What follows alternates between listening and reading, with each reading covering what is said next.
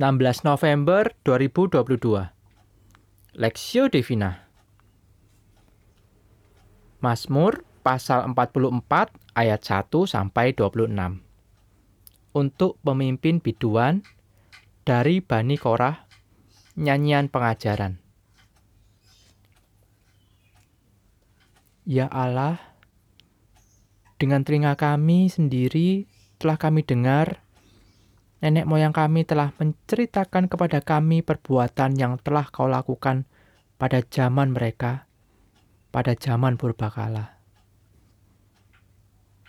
Engkau sendiri dengan tanganmu telah menghalau bangsa-bangsa, tetapi mereka ini kau biarkan bertumbuh.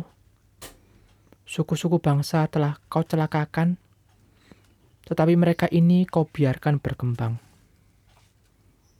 Sebab bukan dengan pedang mereka menduduki negeri, bukan lengan mereka yang memberikan mereka kemenangan, melainkan tanganmu dan lenganmu dan cahaya wajahmu.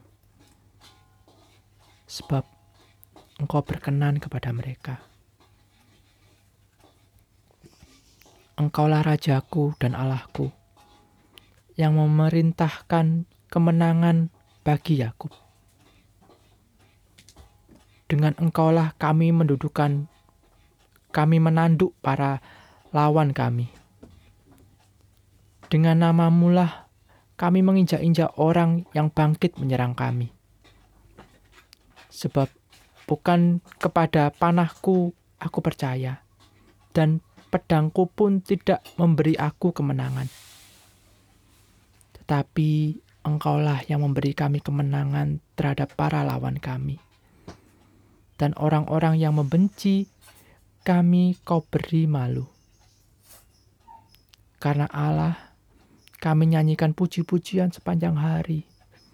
Dan bagi namamu, kami mengucapkan syukur selama-lamanya. Celah. Namun, engkau telah membuang kami dan membiarkan kami kena umpat engkau tidak maju bersama-sama dengan bala tentara kami. Engkau membuat kami mundur daripada lawan kami, dan orang-orang yang membenci kami mengadakan perampokan.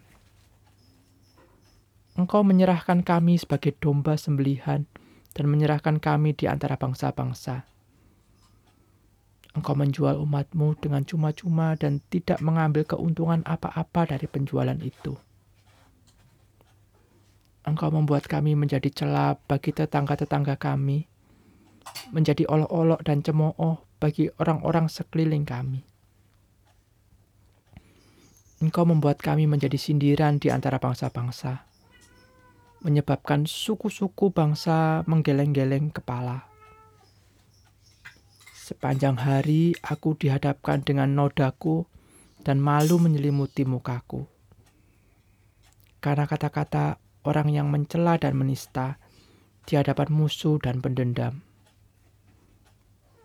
Semuanya ini telah menimpa kami, tetapi kami tidak melupakan Engkau dan tidak mengkhianati perjanjianmu. Hati kami tidak membangkang dan langkah kami tidak menyimpang dari jalanmu. Walaupun engkau telah menemukan kami di tempat serigala, dan menyelimuti kami dengan kekal kekelaman. Seandainya kami melupakan nama Allah kami dan menadahkan tangan kami kepada Allah lain, masakan Allah tidak akan menyelidikinya? Karena ia mengetahui rahasia hati. Oleh karena engkau, kami ada dalam bahaya maut sepanjang hari kami dianggap sebagai domba-domba sembelihan. Terjagalah, mengapa engkau tidur, ya Tuhan? Bangunlah, janganlah membuang kami terus-menerus. Mengapa engkau menyembunyikan wajahmu dan melupakan penindasan dan impitan terhadap kami. sebab jiwa kami tertanam dalam debu, tubuh kami terhampar di tanah. Bersiaplah menolong kami. Bebaskanlah kami karena kasih setiamu.